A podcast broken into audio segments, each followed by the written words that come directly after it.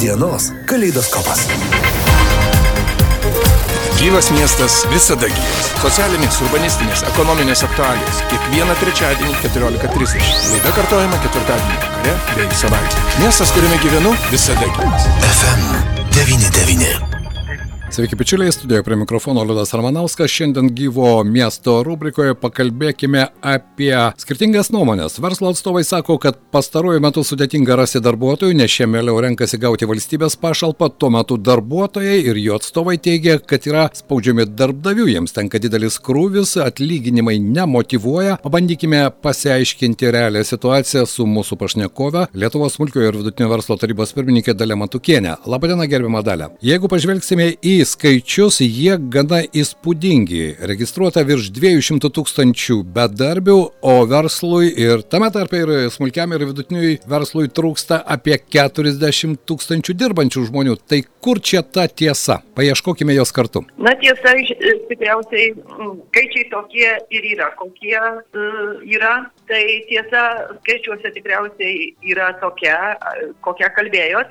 Mm, Tačiau uh, situacija šiaip tai yra apverktina, e, nes e, kuo toliau, tuo daugiau darbdavių iš tikrųjų ne, ne, negauna tų darbuotojų, neturi, e, stoja gamyba mm, ir tiesiog situacija beveik be išeities. O ką kalbėti dar apie paslaugų ir sezoninių darbų pasiūlą jau ir anksčiau, karantinui besibaigiant daugelis tiek maitinimo, tiek kitų paslaugų įmonių atstovai teigia, jog surasti žmogų, aš jau nekalbu, kad galbūt tai geras žmogus su tam tikrais profesiniais pasirengimo bruožais yra beprotiškai sudėtinga. Ar čia sezoniškumas didesnė įtaka turi, ar vis dėlto ta socialinė politika, prie kurios žmonės įprato per karantino ir pandemijos pusantrų metų? Aš manau, kad čia uh, iš tikrųjų politika, bet jinai tęsiasi jau, ko gero, aš sakyčiau, kokia 15 metų. Nes jau auga trečia beveik karta, kuri supranta, kad geriau stovėti užimtumo tarnyboje, uh, gauti tą pašalpą, nemokėti už šilumą, už, už, už vandenį, už vaikų darželius ir gauti nemokamą maitinimą. Tai, žinot, nei vienas regioninis darbdavys nepajėgs į rankas, ypač va tokioj situacijoje, po, po karantininiai situacijoje, ne, nepajėgs į rankas sumokėti apie pusantro tūkstančio eurų e, tam, kad nu, patenkinti tą pačią galimybę žmogui gauti tuos pačius pinigus, kokius gauna iš užimtumo tarnybos ir dar už papildomos paramos. Ir dar viena tokia galimybė, kad šitie žmonės dar, nu, niekas šalia jų nepastatė jokio nei mokesčių inspekcijos, nei um, sakykime, užimtumo tarnybos žmogaus ar, ar darbo inspekcijos specialisto, kuris pažiūrėtų, kad jis nuo ryto iki vakaro sėdi namuose. Paprastai taip nebūna. E, aktyvus žmogus dar sugeba stovėdamas užimtumo tarnyboje ir stogus dengti, e, ir malkas kapoti, ir dirbti visokius kitokius darbus, dar užsidirbti papildomai. Tai yra, nu, dar turėti ir nelegalių pajamų. Tai žinot, darbdaviams čia yra iškilusi labai didžiulė dilema. Ta prasme, darbdaviai negali konkuruoti, kai žmogus gauna dar ir iš užimtumo tarnybos ir plus dar nelegaliai dirba. Jūs turite konkrečių, nes, na, vis dėlto bendraujate su savo kolegomis, atstovaujate smulkų ir vidutinį verslą ir yra tokių konkrečių faktų, ar ne, kai žmogus naudojasi ir socialinę pagalbą ir tuo pat metu dar e, dirba šešėlėje. Nu, aš manau, kad per Lietuvą mes rastumėm daug tokių, tokių pavyzdžių. Darbdaviai, darbdaviai e, iš tikrųjų sako, kad nusiūlomės atlyginimą žmogui m, tikrai atitinkantį, atitinkantį ir jo kompetencijas, ir pajėgumą dirbti, e, ir dar ir įmonės pajėgumą šitą darbuotoją išlaikyti ir už tą jau darbą, kurį jisai atlieka, sumokėti jam. Tai sako labai atvirai, jie sako, klausyk, sako, žinai, aš dar turiu ir kitokių norų, ir kitokius dalykus daryti ir tiesiog neteina pas, pas, pas šitą darbdavį. Tai situacija yra tokia, tokia kokia yra. Mes, mes tiesiog auginam kaip aš sakau, žmonės, kurie praranda orumą. Tai, tai čia irgi dar labai svarbi. Na štai, bet tuo pat metu, gerbima dalė, Lietuvos profesinės sąjungos solidarumas pirmininkė Kristina Kurpavišinė sako, jog pagrindinė priežastis vis dėlto yra nesusikalbėjimas su verslu, labai padidėjo krūviai, atlyginimai nedidėja, motivacijos nėra ir štai žmonės renkasi tokią situaciją. Ką jūs galėtumėte atsakyti į tokį argumentą? Na, į tokį argumentą aš atsakyčiau uh, taip. Uh, visas profsąjungas mes rytoj rengiam uh, posėdį dėl situacijos darbo rinkoje. Ir pakvietėm ir visas profsąjungas, kurios nu, labai gaila, kad jos iš tikrųjų mato tik vieną pusę ir atstovauja tik tai apie 6 procentus visų Lietuvos dirbančiųjų. Ir dažniausiai atstovauja tuos, kurie yra sakyčiau, biurokratinį darbą dirba, dirb, dirbantis ir, ir ne verslas jiems moka, moka uh, atlygį. Tai mm, matyti reikia visas pusės, tai mes tikimės profsąjungom surasti bendrą kalbą ir, ir tiesiog pamatyti tas problemas ir pagalvoti, kągi reikėtų padaryti ir daryti skubiai.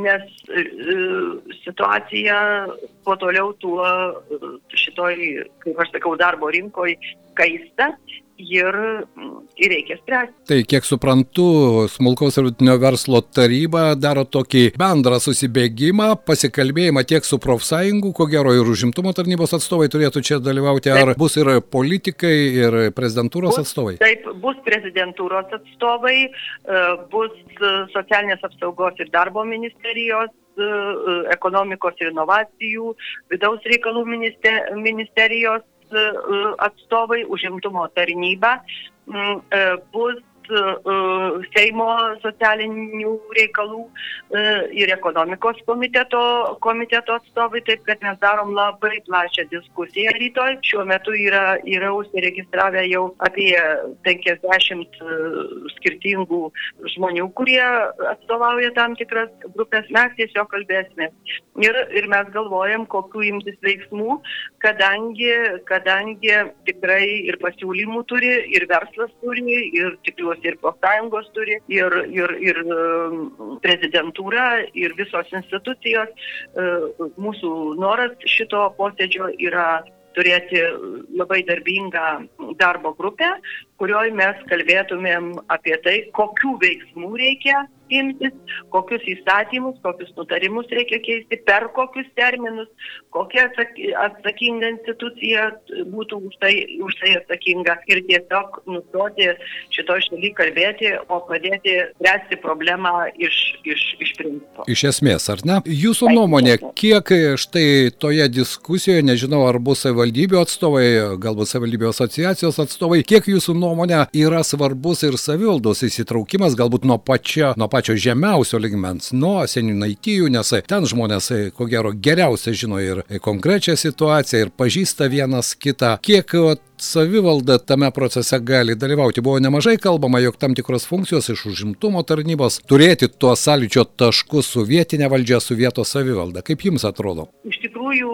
geriausia, geriausia spręsti šitas problemas, pradedant, kaip jūs ir sakėt, nuo seniūnaitijos, po to nuo seniūnijos ir tada ateiti iki, iki savivaldos ir jau po to uh, hierarchijos laipteliais kilti aukštyn. Turim nepaprastai gerų pavyzdžių ir Lietuvoje, sakykime, yra tokia mažonų seniūnyje, kur buvo apie 270 mm, bedarbių va šitoj seniūnyjoje. Po to, kai buvo atiduota e, seniūnaitijai ir seniūnijai spręsti, kaip įtraukti šitus žmonės į darbo rinką, kaip jiems e, padėti surasti save ir darbą, Šitoj seniūnijoje liko uh, tik tai 17, kaip jau sakė, beviltiškų bedarbių. Uh, pasistatė uh, šeimos namus šitą seniūniją, įsirengė savo sporto erdvę, sceną, susitvarkė piliakalnį ir visi pradėjo naujus verslus arba žmonės tiesiog surado savo, savo vietą, kurioje jie buvo jau tikrai oriai jiems suteikta ta darbo vieta ir atlygis gaunamas. Ir tų pavyzdžių yra labai daug. Taip kad tik tai tiesiog reikia žengti vieną ar kitą žingsnį, įgalinti ir tuos seniūnaičius ir seniūnus ir, ir, ir, ir, ir iš tikrųjų merus ir bendruomenę, kurios tikrai Lietuvoje yra pakankamai daug tų tokių gerųjų žydinių, visus tiesiog uh, leisti jiems veikti. Ne vieną kartą jūs esate sakiusi ir mūsų pokalbiuose apie tai, kad parama turėtų būti skiriama tiems, kuriems jį iš tikrųjų re, re, reikalingiausia yra, o ne tam, kad, kaip jūs minėjote ir mūsų pokalbio pradžioje, jau trečioji karta parazituoja ir iš to gyvena. Ar jūsų nuostatos nuostatos nesikeičia? Mano nuostatos iš tikrųjų nesikeičia. Ir manau, kad žmogus uh, uh, atėjęs į šitą, uh, sakykime, pasaulį, jisai tiesiog turėtų būti mokomas dirbti, užsidirbti ir gyventi ne iš kitų, o gyventi iš savo rankų darbo.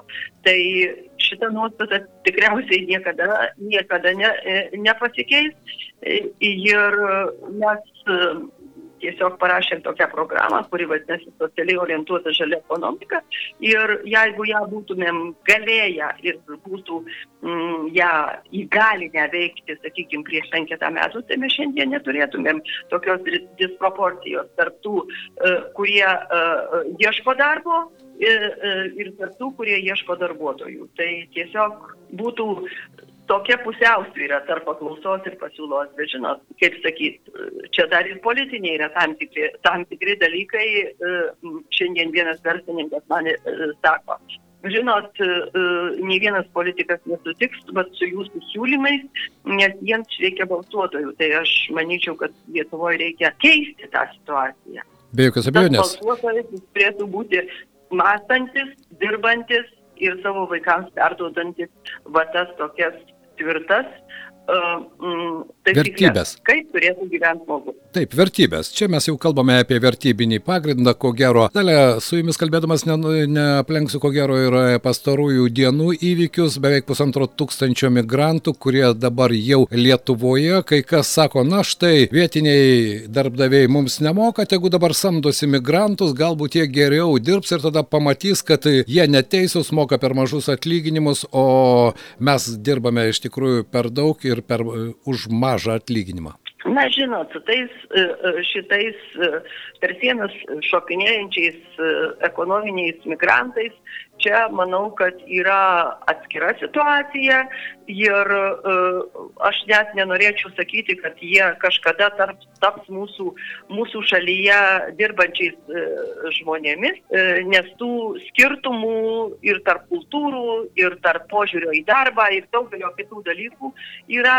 ir čia turėtų būti sprendžiama tikriausiai ne šitoj užimtumo plotmėje, o kas liečia, kas liečia tuos sakykime, emigrantus, kurie norėtų Lietuvoje dirbti, tai trūks, sakykime, vairuotojų, ar ne? Tai jeigu šitas vairuotojas už, išdirba Lietuvoje šešis mėnesius, po to metą darbą ir vėl važiuoja pas savo šeimą, tai galbūt galima būtų galvoti kažkokią uh, programą ir leisti jam čia atsivežti tą savo šeimą. Tai mes čia išloštumėm daugelį, daugelį tokių pliusų mm, ir atsirastų, sakykime, ir galimybė ir mm, mokytojams, ir dėstytojams, mm, ir galbūt perkvalifikuotojams. Ir e, tiesiog, nu, tokia situacija yra e, pasaulyje, kad žmonės juda, važiuoja. Tai galbūt mums reikėtų pagalvoti, iš kokių šalių mes, sakykime, prioritetą tiems atvykstantiems darbuotojams galėtumėm suteikti, kur ir tas mentalitetas yra panašesnis, ir, sakykime, kvalifikacija, ir, ir nu, be tų emigrantų mes iš tikrųjų neužsidarysim, neužsidarysim tokiam aklinom sienom, kad čia jų nebūtų. Tai kitas klausimas. Taip, aš suprantu, kad čia yra kitas klausimas ir kito galbūt tai platesnio pokalbio tema, bet prisiminkime tuos pačius lietuvaičius prieš ketvirtį amžiaus ar ne, prieš 25 penkis metus, prieš 20 metų irgi ir legaliais, ir negaliai, nelegaliais būdais, tuo metu legaliai buvo labai sudėtinga, jie taip pat skubėjo į tą pačią Didžiąją Britaniją, į Airiją, ieškojo bet kokios galimybės pagerinti savo ekonominę padėtį ir tą patirtį jie irgi matyt turi, bet Lietuva ko gero yra ir įstatyminė prasme nepasiruošusi. Aš kalbu tiek apie užsieniečių įdarbinimo kvotas ir tas procedūras. Verslas irgi skundžiasi, kad jos yra per ilgos, kad kvotos yra per mažos. Jūs čia galėtumėte su to sutikti? Aš manyčiau, iš tikrųjų tos kvotos yra per mažos ir, va, kaip ir sakiau, sprendimą dėl ir šeimų reikėtų e, e, daryti, o įstatyminė mūsų bazė, tai, tai e, jinai turi tokį labai vieną įdingą, įdingą bruožą. Galvojama tik apie tą situaciją, kuri yra šiandien. Taip. Ir visiškai negalvojama, kas bus, sakykime, po metų, po penkių ar po dešimt. Jeigu m, būtų įstatymo rengimo momentu pagalvota apie šitus dalykus, tada iš tikrųjų galbūt, vat skaičius vienas, kuris mane, mane pribloškė, tai yra tai, kad 250 e, tūkstančių lietuvių Junktiniai karalystėje paprašė leidimo pasilikti ir dirbti. Taip. Tai vadinasi, jie tikriausiai jau niekada į Lietuvą ir nebeparvažiuos.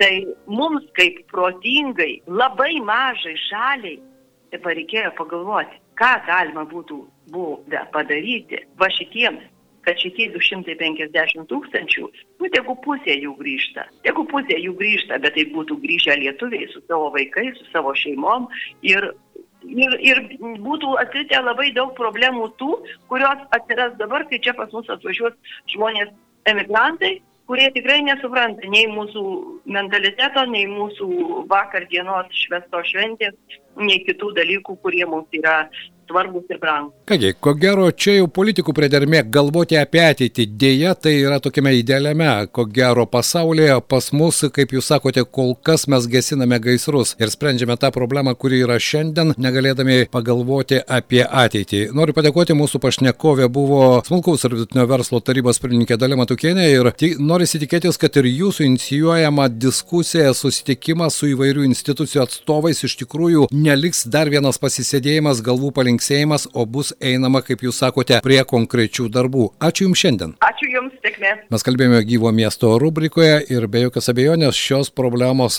tiek darbuotojų paieška, tiek darbdavių paieška dirbančių darbuotojų išlieka aktuali ir aktuali ne tik didžiuosiuose miestuose, bet ir regionuose. Alitoje taip pat. Gyvas miestas. Visada gyvas. Socialinės, urbanistinės, ekonominės aktualijos laidoje Gyvas miestas. Kiekvieną trečiadienį 14.30 kartuojama ketvirtadienį vakarais bei savaitgaliais. Gyvas miestas visada gyvas.